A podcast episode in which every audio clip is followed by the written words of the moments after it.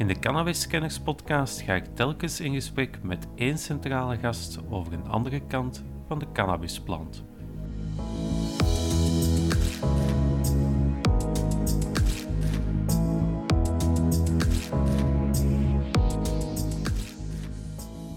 Wij vinden dat een persoon thuis toch vier planten zou kunnen telen. Ik denk dat media momenteel meer aan de voedingsbodem zit van waarom dat het drugsdebat zeer emotioneel gevoerd wordt. Ik denk dat er wel wat schrik heerst bij progressieve eh, mensen. We gaan echt een uh, storm van reactie op ons krijgen.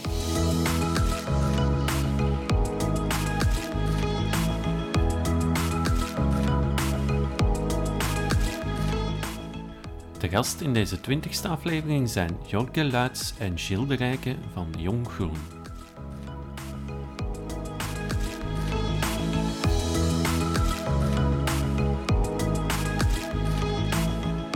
De politiek, de media.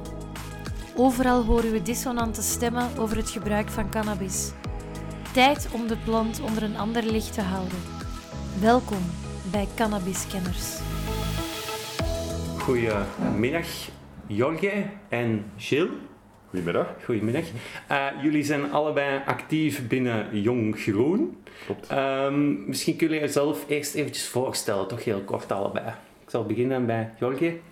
Ja, uh, ik ben Jorge. Uh, voor het moment studeer ik voor industrieel ingenieur in de biochemie. Mm -hmm. Ik heb een diploma als laborant, dus uh, ik probeer mm -hmm. het nu via een schakelprogramma.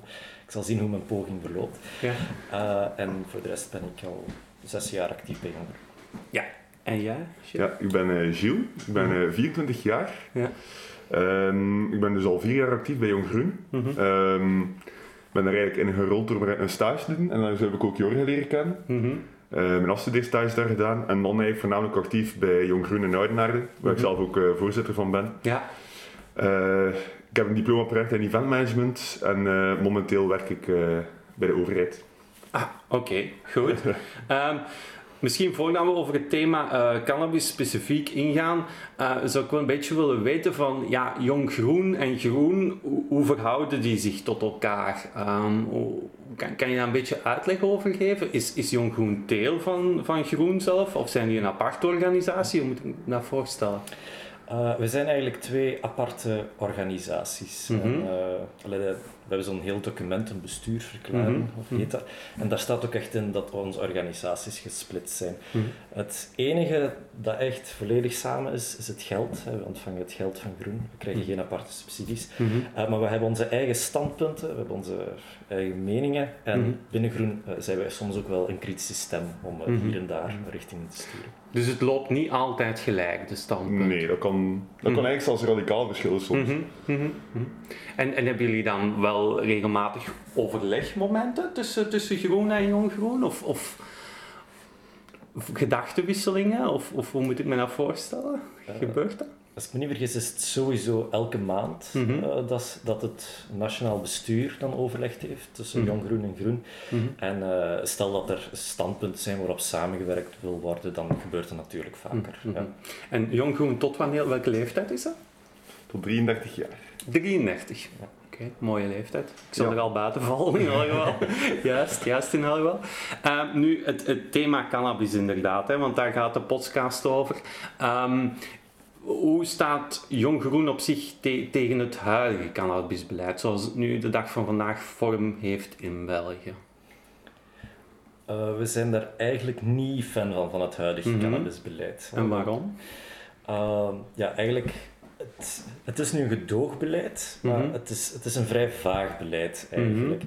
Uh, want zover ik het nog goed begrepen heb, is cannabis eigenlijk illegaal, Mhm. maar tot 3 gram wordt het dan gedoogd. Mhm. Maar heel veel jongeren en mensen zijn eigenlijk in de war omdat ze dan denken, denken ah, tot 3 gram mag ik het eigenlijk bij hebben. Mhm. Maar dat hangt eigenlijk een beetje af van gemeente tot gemeente bijna, of ze eigenlijk toch zouden Ja. beboeten, een PV opstellen, wanneer niet. En dat zorgt voor superveel verwarring. Mhm. Ja, want uh, die, die vaagheid in die, in die hedendaagse wet die we momenteel eigenlijk hebben, is eigenlijk ontstaan omdat er eigenlijk ooit is iemand is, uh, opgepakt geweest, allee, gepakt geweest met uh, een kleine hoeveelheid cannabis. En dat was toen 3 gram. Mhm. En die heeft daar toen geen straf voor gekregen, omdat hij heeft kunnen aantonen van dat is persoonlijk gebruik, ik doe Mhm. niet strafbaar hiermee. En Mhm. vandaar is eigenlijk de interpretatie ontstaan van een soort gedoogbeleid. Maar effectief, In de wet, volgens de wet is het nog steeds strafbaar. Hè? Het Ja, is enkel inderdaad. de omzettenbrief van, van de jaren begin 2000. Hè? Die zegt inderdaad 3 gram en één vrouwelijke plant mag je bezitten. Ja. Ehm, ja, jullie zeggen van oké, dat, dat beleid is heel vaag. Hè? Ehm, het zorgt voor rechtsonzekerheid eigenlijk. Ehm, hoe willen jullie het dan anders aanpakken? Wat was volgens jullie dan een, een, een betere manier om, om met het thema om te gaan? Wel, allee, zoals we dat eigenlijk nu een tendens zien eigenlijk momenteel in de, in de wereld, maar vooral ook in de Europese Unie, wat toch ook al bijzonder is, is dat eigenlijk verschillende landen cannabis eigenlijk beginnen legaliseren of overwegen om cannabis Mhm. te legaliseren. Mhm. Zoals we nu zagen over laatst met Luxemburg, Ja. in Duitsland ligt het ook op tafel. Duitsland, Malta. Ja, en wij vinden ook dat er hier, samen met Jong Groen, hè, vinden wij ook dat er in België ook eigenlijk een denkoefening zou moeten gemaakt worden in de politiek omtrent legalisering of Mhm. decriminalisering of dergelijke. Mhm. Ja, bij Jong Groen waren wij eigenlijk al voorstander van cannabis te legaliseren. Mhm. Eh, maar dit jaar hebben wij eigenlijk ons standpunt eigenlijk nog wat verfijnd en eigenlijk verder uitgebreid. Mhm. Om daar eigenlijk ja, mooi gedetailleerd een plan te hebben van kijk, hoe zien wij het en waarom Mhm. denken wij dat wij zo pro- het probleem kunnen oplossen. En dat plan, uit wat bestaat dat? Kan je daar een beetje meer gedetailleerd op ingaan? Welke, welke vorm zou dat dan bij, volgens jullie moeten hebben? Die- Ja, eh, eigenlijk de belangrijkste redenen waarom dat wij cannabis willen legaliseren, eh, dat is één, de paradox over de illegaliteit van een minder schadelijke drug dan alcohol of tabak te doorbreken. Ja. Eh, twee, het uit handen houden van criminele milieus en ook de winst uit criminele milieus Mhm. houden. Mhm. Drie is de veiligheid van wiet als product te verhogen. Mhm. En dan ten vierde nog, personen die verslaafd zijn of bijwerkingen vertonen, willen we eigenlijk gemakkelijker toegang tot hulp kunnen verlenen. Mhm. Ja. Oké. Je sprak daarover, we willen de, de winst uit handen halen van criminelen. Dan kan ik daaruit concluderen dat jullie verder willen gaan dan zuiver een decriminalisering. Want, want als je enkel decriminaliseert, blijft de winst nog altijd naar, naar illegale, eh, naar criminelen lopen. Jullie willen het echt legaliseren. Ja, want ik, we zijn eigenlijk ver van overtuigd dat zolang dat er vraag is, er nog altijd aanbod zijn. Ja. Mhm. En zolang dat je het aanbod eigenlijk in handen houdt van de criminelen, ga, allee, gaan de criminelen eigenlijk altijd een vrij spel hebben. Mhm. Je kunt daar nu eigenlijk een war om drugs opvoeren, eh, zodat het zogezegd moeilijker is om de drugs eigenlijk binnen te krijgen in Mhm. ons land. Mhm. Maar hoe dan ook gaat die drugs sowieso in ons land komen. De criminelen zijn daar vaak inventief genoeg voor. Wat er eigenlijk toe gaat leiden dat vaak gewoon de prijs van de drug gaat stijgen en dan is eigenlijk de gebruiker eigenlijk nog dubbel gestraft. Ja, het product wordt ook onveiliger, hè, waarschijnlijk. Ja. Ja. Je moet het ja, importeren, misschien wordt er nog van alles bijgekapt, bij wijze van spreken, hè, Ja. om het gewicht toe te nemen.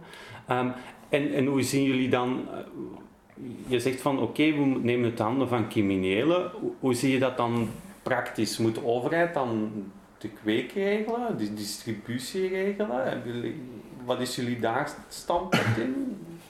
Eh, we hebben eens gekeken naar verschillende verkoopmodellen die Mhm. dat er zijn. Eh, dus je hebt in, in Nederland het eh coffeeshop model. Ja. Eh, Duitsland wil via licenties werken. Maar wij zien eigenlijk meer heil in eh, cannabis social clubs Ja. eigenlijk. Ja. Ehm, want ik heb daarnet al gezegd dat personen die verslaafd zijn of bijwerkingen Mhm. hebben, dat we die gemakkelijk willen helpen. En we Mhm. denken dat cannabis social clubs daar eigenlijk een sleutelrol in spelen.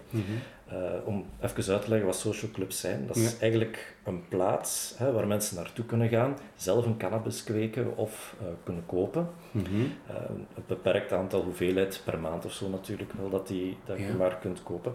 Maar we hopen daar ook dat die cannabis social clubs eigenlijk een vorm van sociale controle eh, gaan bieden. Mhm. Dus stel dat zij merken van, eigenlijk, misschien heeft die persoon hulp nodig, dat die dan ook eigenlijk doorgestuurd gaat worden naar de Mhm. hulp dat die nodig heeft. Op basis van als iemand inderdaad per maand, laten we zeggen 50 gram koopt, dat men dan zegt van oké, nu gaat er een alarmbel af, dit is te veel.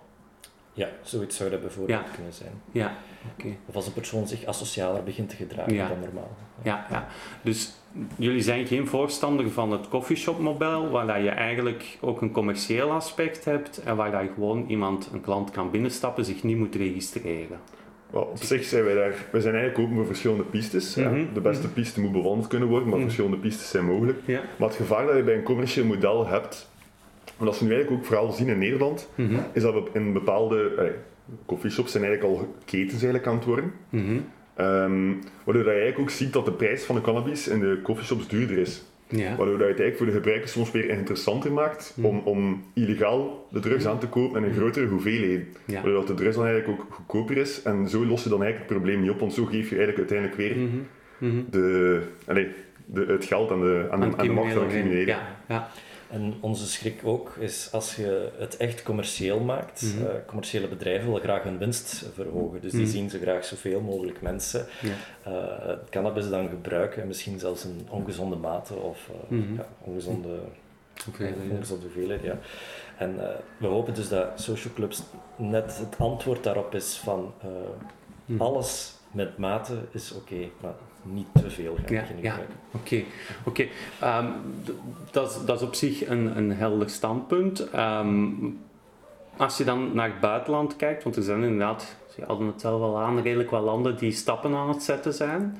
Eh, welk land, welke piste zou je het liefste bewandelen? Of, of welk land heeft volgens jullie al een goede stappen vooruit gezet? Er zijn heel veel landen die eigenlijk al heel goede stappen hebben gezet op Mhm. hun manier. Mhm. Maar veel landen verschillen ook van werkwijze. Ja. Like, je hebt nu bijvoorbeeld Portugal, daar is eigenlijk alles gewoon gedecriminaliseerd. Ja. Maar op vlak van preventie hebben die echt super goede stappen gezet. Mhm. En ehm, eh, gebruikers die eigenlijk afkicken en dan terug hervallen, is daar 60% lager dan, Mhm. Dan hier in België bijvoorbeeld. Eh, omdat zij ook inzetten op, eh, als de gebruiker gepakt wordt, gepakt wordt eh, met Ja. een eh, kleine hoeveelheid drugs, eh, wordt er niet meer eh, door de politie eigenlijk benaderd. Wordt er ook niet de stempel van crimineel of Mhm. van misdadiger opgeplakt. Mhm. Maar die kunnen eigenlijk toenadering zoeken met een sociaal werker, een Ja. dokter, een psycholoog. Ja. Om zo eigenlijk met hun leven verder aan de slag te gaan en niet eigenlijk verder in de miserie rollen. Doordat ze eigenlijk gebruiker zijn en ook eigenlijk gewoon een verslaving hebben. Ja. Ehm, dan heb je bijvoorbeeld andere modellen, zoals in Canada, Mhm. wat de staat eigenlijk meer reguleert. Mhm. Ook een soort van coffeeshop model, maar een mix van. Ja. Eh, wat er ook dan limieten op staan, wat ook wel een zeer goed eh, model is. Mhm. Dan heb je bijvoorbeeld ook in Amerika hebben ze dan bijvoorbeeld heel veel onderzoek op vlak van ehm, eh, gezondheidszorg en medicinale cannabis. Maar dan zie je ook wel het coffeeshop model dat dat dan in een zeer roekeloze manier van commercialiteit is. Commercialisering, hè? daar heb je Ja. inderdaad in Amerika een aantal staten zijn ze daar toch van moeten terugkomen, een beetje ook. Hè? Mhm. Ehm, ja, het is een hele mix van, van, van mogelijkheden, maar jullie zijn social clubs, hè? dus waar je je moet registreren en, en, en, en de thuisteelt, hoe staan jullie daar tegenover? Uh, wij hebben eigenlijk opgenomen dat wij vinden dat een persoon thuis toch vier planten zou kunnen telen. Mhm. Uh, Mhm. alle experts hebben dat, hebben dat ook gezegd, niet iedereen wil bij een cannabis social club zijn. Nee. Um, dus hoe zorg je dan eigenlijk toch nog voor dat mensen die het product willen gebruiken, Mhm. dat te doen. En dan is thuisteelt wel een Ja. mogelijkheid. En natuurlijk als- niet in, niet in grote veelheden, Nee. maar alles met mate. Ja, het is, het is een beetje alsof, ja, het zou ook een beetje raar zijn dat je tomaten mag kopen in de winkel, maar zelf thuis geen tomaten mag planten. Bijvoorbeeld. Dat idee. Ehm, jullie hebben dat idee. Vindt dat ook, hebben jullie dat al gecommuniceerd met, met Groen zelf? Hoe staan zij daar tegenover? Uh, wel, wij zijn eigenlijk nu binnen Groen een uh, denkoefening aan het maken. Hè. Mhm. Ik wil wel even zeggen, het standpunt nu van Groen is, uh, we willen cannabis legaliseren, maar dat is eigenlijk de afgelopen tien jaar, geloof ik, niet verder in een uh, plan uitgewerkt ja, is. Ja, dat gevoel had ik ook. Ja, dus uh, wij gaan nu proberen om eigenlijk het standpunt van Jong Groen, dat we Mm. daarover gaan babbelen met Groen, alle details uitwerken. Thuisteelt gaan we proberen Mm. toe te laten, de cannabis social clubs gaan Mhm. we Mhm. uh, proberen te vragen. En dan hopen we zo dat Groen eigenlijk een groot deel van ons standpunt gaat overnemen. Mhm. Merken jullie dat er binnen Groen, want ik, ik heb natuurlijk ook met een aantal politici in het verleden al gesproken. Ehm, ik heb ook bijvoorbeeld met Magda Aalvoet al een gesprek gehad. Dat is al een, een oudere dame, die gaat al een tijdje mee. Maar zij stond wel mee aan de wieg van dat gedoogbeleid in het begin jaren 2000. En zij zei in het gesprek dat ik met haar had van, ja, mocht ik vandaag minister zijn, ik zou gewoon nu verder doorpakken en echt legaliseren. Hebben jullie het gevoel dat er ook eensgezindheid is binnen Groen in het algemeen? Want binnen sommige partijen merk je dat daar toch niet op één lijn zit men. Dat toch niet op één lijn zit. Goh, eenzijdig, allez, een eenzijdig uh, antwoord van we zijn allemaal volmondig voorstander Mhm. ervan, dat ga ik niet durven zeggen. Zeker niet. Mhm. En dat is misschien ook niet nodig. Want Nee. uh, als wij allemaal radicaal voorstander zouden zijn, ehm, zouden we misschien zaken vergeten, of zouden er misschien zaken zijn dat we niet aan gedacht hadden. Ja, en dan kunnen absoluut. tegenstanders ons ook wel weerwoord geven van kijk, Ja. zou je het misschien niet... Zo en zo Ja. aanpakken. Ja, inderdaad. Mhm. Dus tegenspraak is niet altijd slecht en een intern Nee. debat, dat is zeer goed. Eh, en op dat vlak is Groen wel een gezonde partij. Mhm. Ehm, nu ja, Oké. Ehm, jullie zitten momenteel in, in, in de federale regering. Ehm, het is een Vivaldi-regering. Eigenlijk komt ze heel hard overeen met de regering die in Duitsland nu de plannen heeft voorgesteld of in het regeerakkoord heeft gezegd van oké, we gaan cannabis reguleren. Want daar zijn het de liberalen, de sociaaldemocraten en de groenen. Hier komen nog de, de, de, wat de christendemocraten komen er ook nog bij, hier in de Vivaldi-regering. Denken jullie dat het in deze regeertermijn nog beweging in het thema zou komen? Uh, wij hopen eigenlijk van wel, want wij denken ook, uh, nu dat Duitsland en Luxemburg eigenlijk voor legalisatie aan het gaan zijn, Mhm. dat zijn onze buurlanden, wij gaan eigenlijk ook cannabis van hun ontvangen. Dus wij hopen eigenlijk dat dat toch wel een, een, een incentive is Mhm. om daarover na te denken hier in België. Mhm. En uh, wat ik wel weet, uh, in 2014 heeft Jong CD&V ook een uitspraak gedaan dat in de vorm van pro-legalisatie Ja. is. Um, Zijn jullie in, in, in contact? Want jullie spreken namens Jong Groen. Ik heb ook al gesprekken gehad met Jong VLD, Jong uh, SPA en jij spreekt nu Jong CD&V. Eigenlijk zijn alle, toch heel veel jongere partijen daarvoor gevonden. Heb je al overwogen om daar een beetje samen één standpunt in uit te dragen? Zou dat niet meer kracht geven dan? Uh, dat is een piste dat we wel overwegen om te doen. Mhm. Uh, zeker omdat ik ook uh, de campagne momenteel van Maxime Vijs heel volg, uh, Ja. heel van dichtbij volg daaromtrent. Daarin verschillen we waarschijnlijk een beetje van mening hoe dat we het graag zouden willen zien in, in ons land, maar dat is perfect oké. Mhm. Uh, ik denk dat dat zeker geen slechte, geen slechte piste zou zijn voor Jong Groen ook om te bewandelen met bestuur, met bestuur van andere, andere jonge partijen. Maar persoonlijk vrees ik dat er ook wel een tweetal jongere partijen zullen zijn die radicaal tegen zullen zijn. Ja, N-VA en, en, en Vlaams Belang. Ja. Maar met vier sta je beter samen dan, dan eigenlijk allemaal een apart standpunt. Allee, dat is mijn mening natuurlijk. Hè. Um, ook, ook daar rond dat thema, als het in de media komt, um, hoor je heel vaak die conservatieve stem.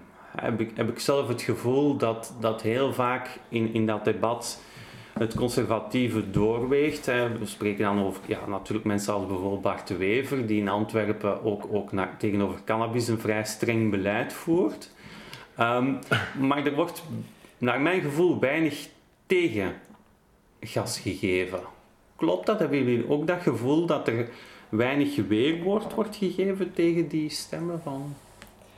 Uh, ja, ik heb wel uh, in ieder geval dat aanvoelen. Ja. Um, moet zeggen, en hoe komt dat? Nu, ja, de conservatieve partijen in, in Vlaanderen mm. staan hier sterk natuurlijk. Ja. En ik denk dat er wel wat schrik heerst bij progressieve uh, mensen van als wij voor cannabislegalisatie gaan, we gaan echt een storm van reactie op ons krijgen. Mm -hmm.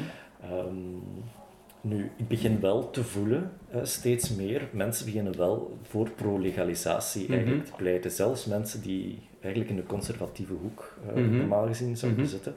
Dus ik denk dat er eigenlijk op dit moment een klein verschil is tussen wat zich op politiek niveau zit en wat er eigenlijk bij de mensen speelt.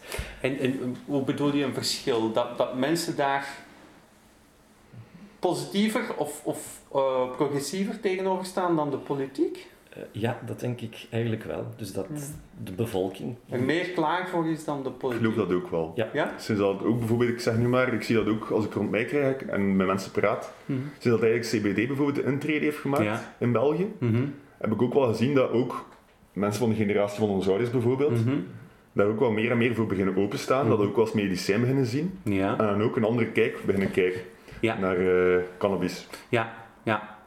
Maar ook weer daar, ehm, CBD, als, als- ik heb ook al gesprekken gehad met mensen die bijvoorbeeld een CBD-shop hebben.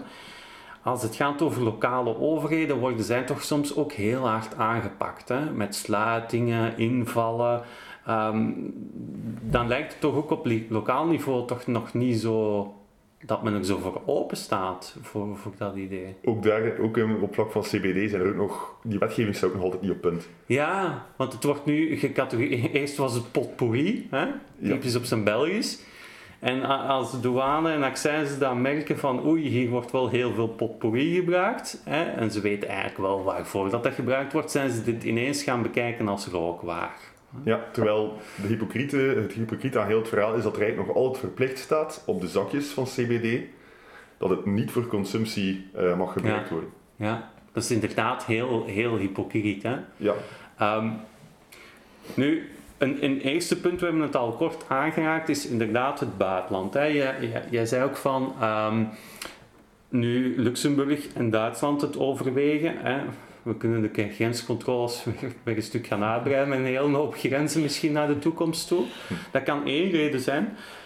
Maar wat mij zelf ook persoonlijk verontrust is wat er in het binnenland gebeurt. En dan heb ik het over een aantal maanden geleden werd er denk ik in de regio Antwerpen melding gemaakt van synthetische cannabinoïden. En de gevaren daarvan. Ehm, in Duitsland zijn er ook al een aantal overlijdens aangelinkt. Maakt dat dan de politiek niet wakker?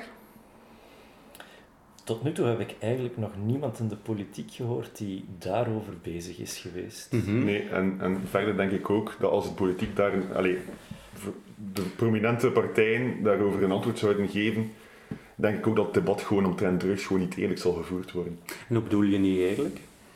Um, ze zouden het allemaal op één hoop smijten, ja. zoals met die synthetische drugs ook. Ja.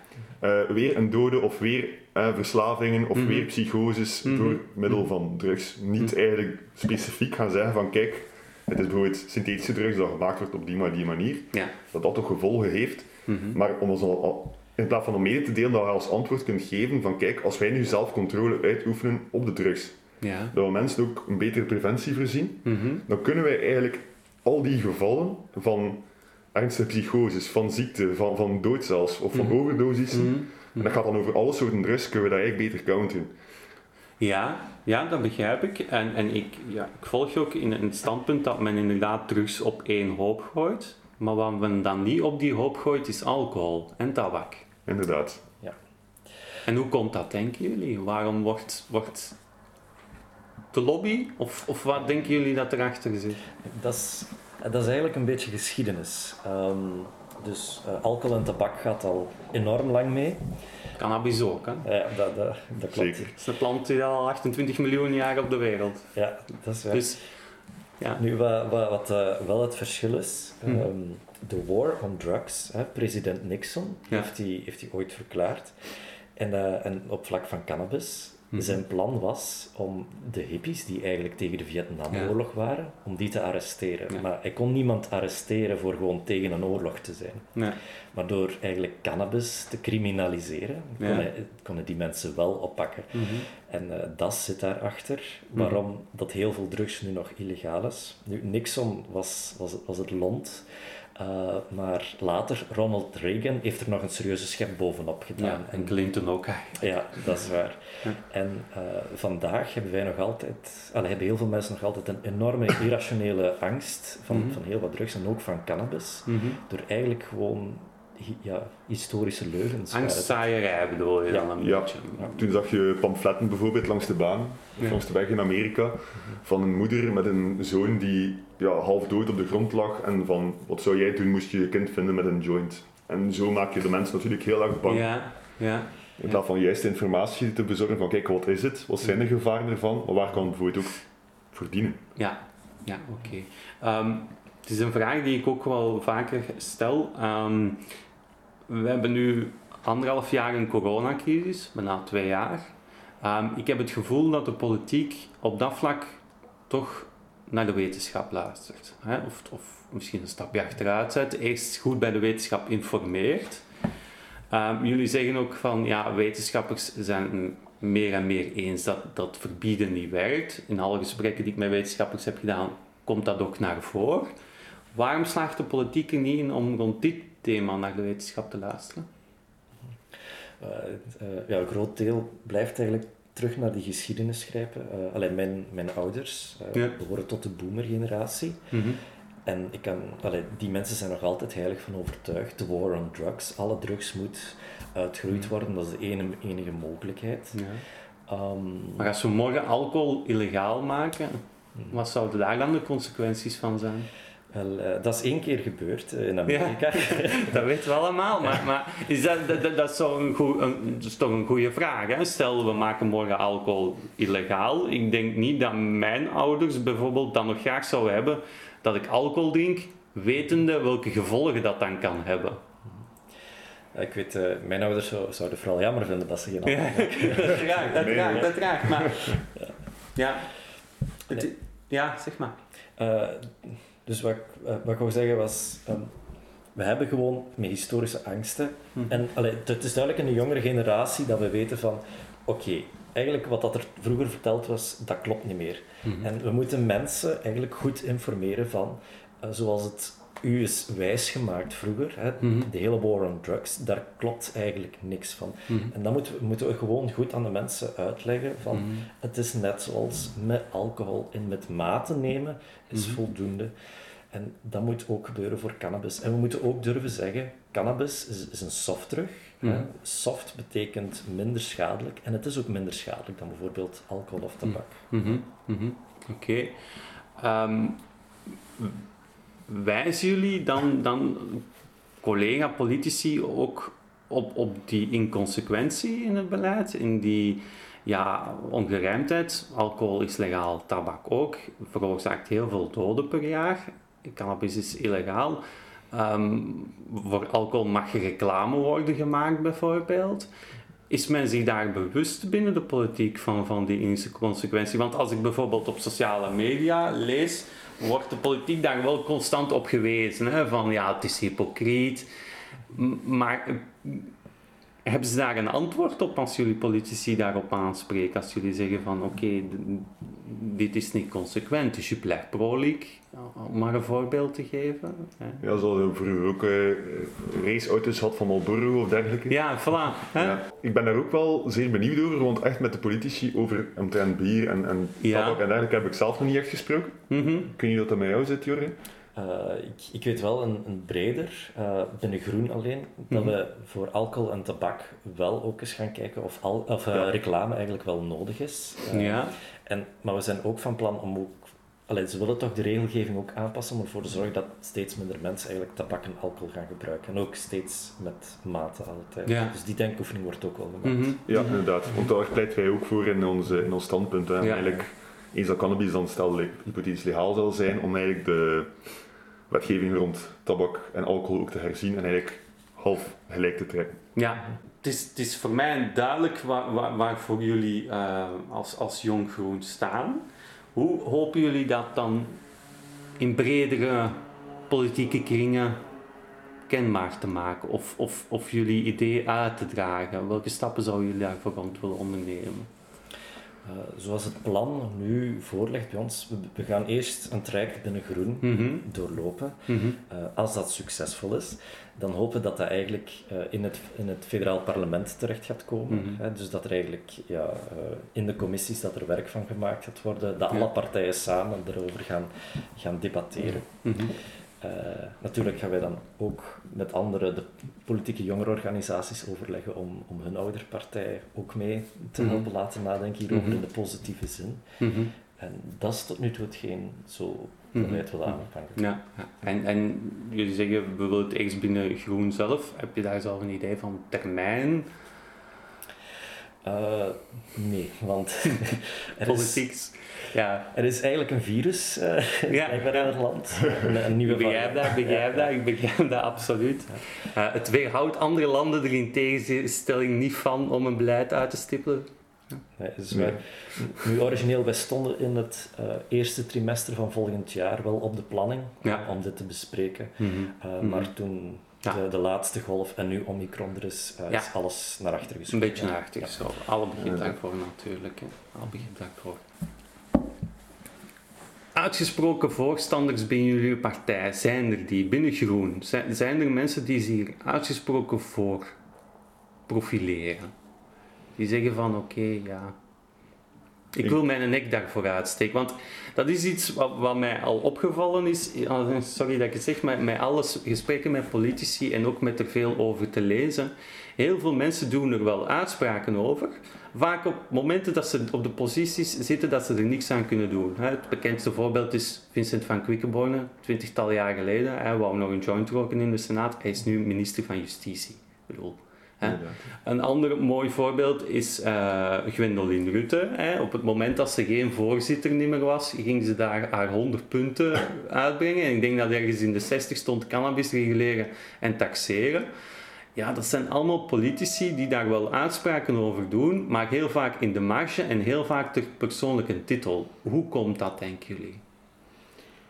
Omdat ze in mijn persoonlijke mening natuurlijk. Hè. Ja, ja, Dan denk ik inderdaad dat ze daar dan hopen een bepaald deel van de bevolkingsgroep aan te spreken. Mm als je dat zegt, als je dat dan in een 100 punten plan. Ja.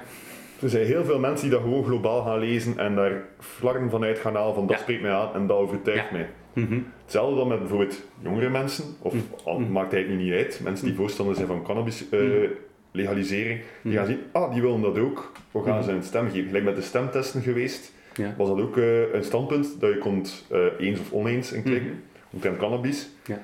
Dan zag je ook de partijen die dan voorstander waren.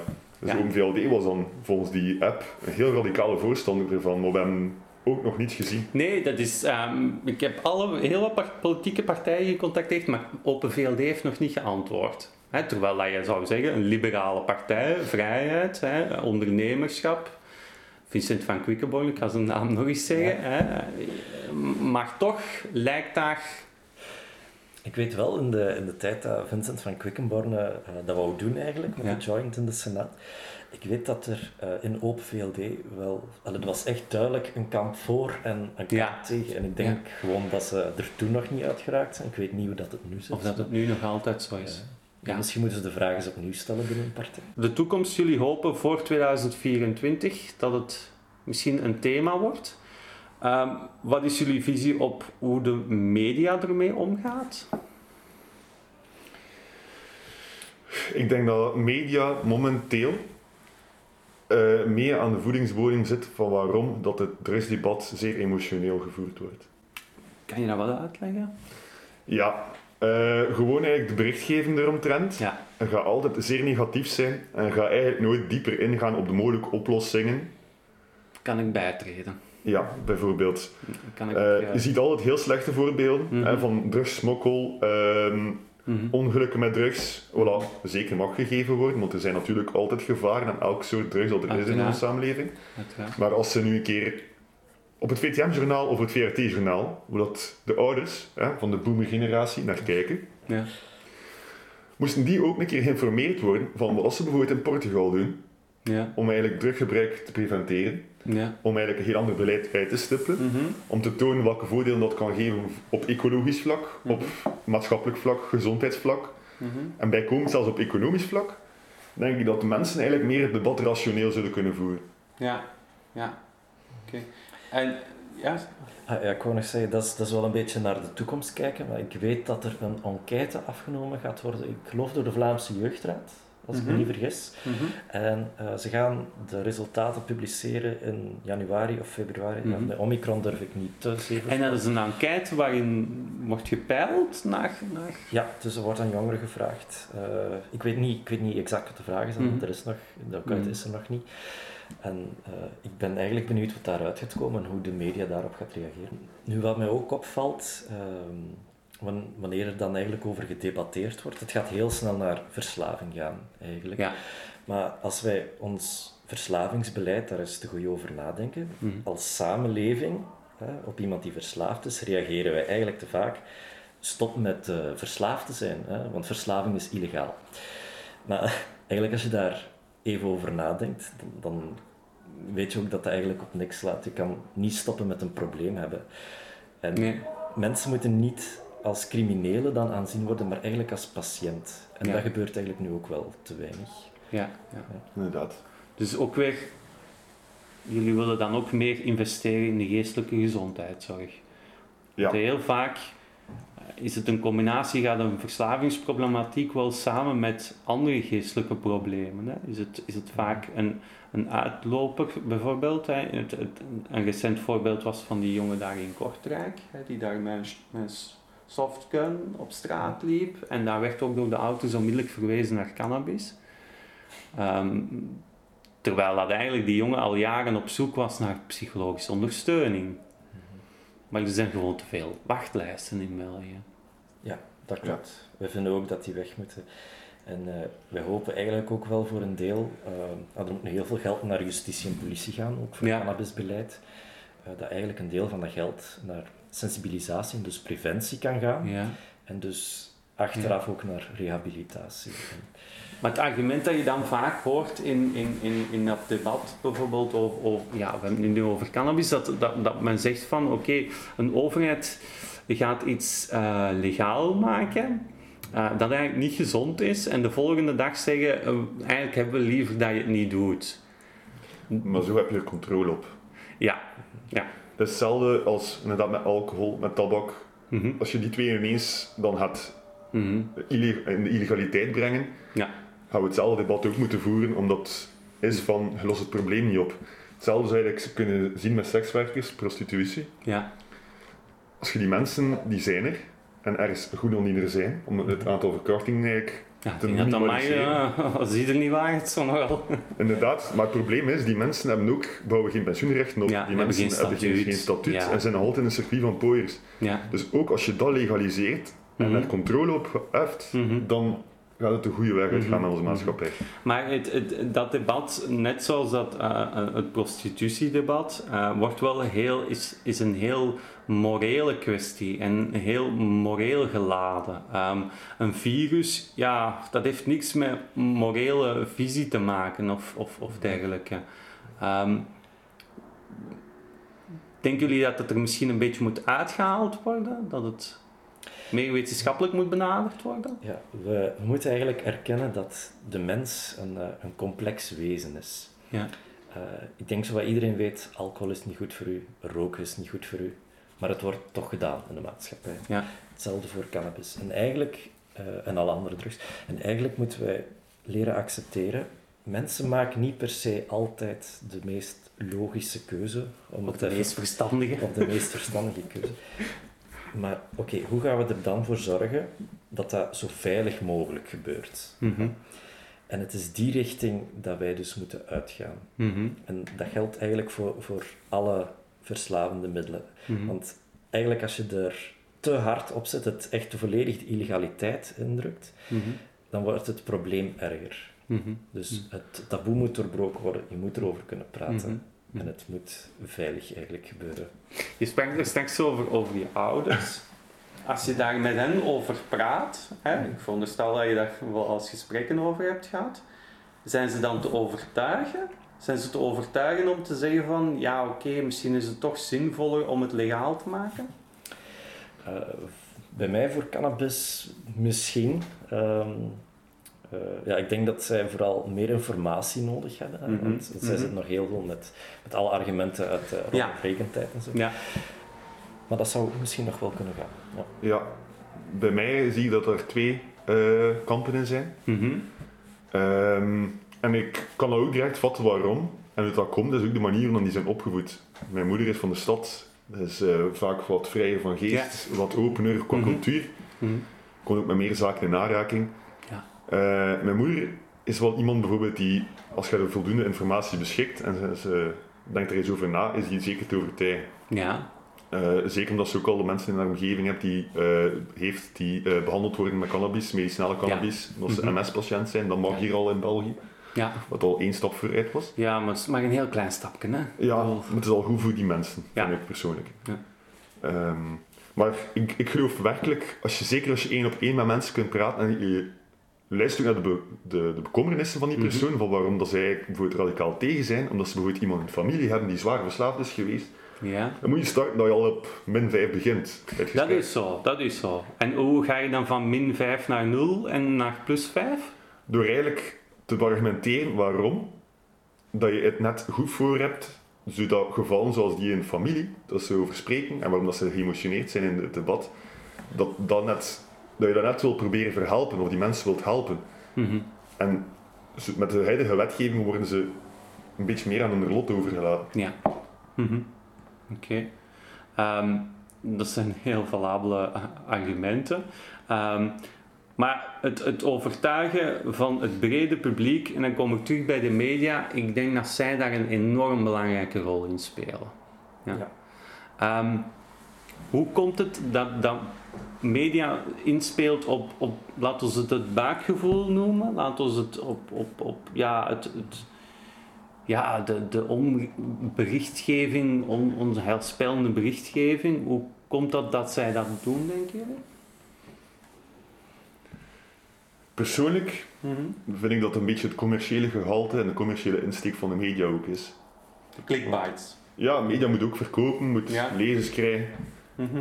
En, En een artikel over, over een, een drugsdealer met een halve kilo cannabis genereert meer kliks dan de heilzame werking van CBD. Bedoel. ja, moesten ze nu bijvoorbeeld een artikel geven over alle cannabinoïden Ja. en welke functie en hoe ons Ja. lichaam op bepaalde receptoren daar eh, zou kunnen op reageren Leest en welke voordeel. Niemand gaat dat lezen. Alleen degenen die dat erin geïnteresseerd zijn en daar al een duidelijke mening over hebben. Inderdaad. Hè? Eh, Misschien is het, is het een idee hè, om met Jong Groen ook daar eens over na te denken. Hoe, hoe, hoe kunnen we eh, de media overtuigen? Of, of hoe kun je toch op een ja, flitsende manier een andere boodschap brengen in de media? Want Wat ook zou kunnen gaan via die weg is natuurlijk opiniestukken. ja, Mensen die eh, gewoon een opinie schrijven over Ja. cannabis in de positieve zin. ja. Eh, Er zijn er wel een paar. Hè. Patrick de Waals bijvoorbeeld doet dat heel mooi. Eh, Karel Michiel schrijft ook soms heel goede stukken over dat thema. Ehm, ja, misschien kunnen jullie binnen, binnen Jong Groen nog iemand vinden. Die vanuit jullie organisatie. ehm, want dat is hetgeen wat ik daar straks ook zei. Hè. Het is heel vaak een persoonlijke titel. En er is heel weinig mensen die vanuit een, een politieke partij daarover willen spreken. Nu, ik kan wel garanderen, stel dat eh, Groen zich echt volledig uitspreekt voor de legalisatie van cannabis, Ja. dat gaat sowieso een hoofdtitel zijn van een krant. Eh, want ik zie het al helemaal voor me. eh, Groen wil cannabis legaliseren. Dus, Ja. ja, en de titel gaat ook ja, dus dan hoop ik wel dat de inhoud... iets genuanceerder is. ja. Ja, ja, oké. Ja, ik, ik zou zeggen in ieder geval heel erg bedankt, mannen, voor het langskomen. Bedankt Gilles de Rijke en Jorge Luits voor dit uitgebreide gesprek. En u luisteraar, u hoort binnenkort graag terug voor een nieuwe aflevering van de Cannabis Kenners podcast.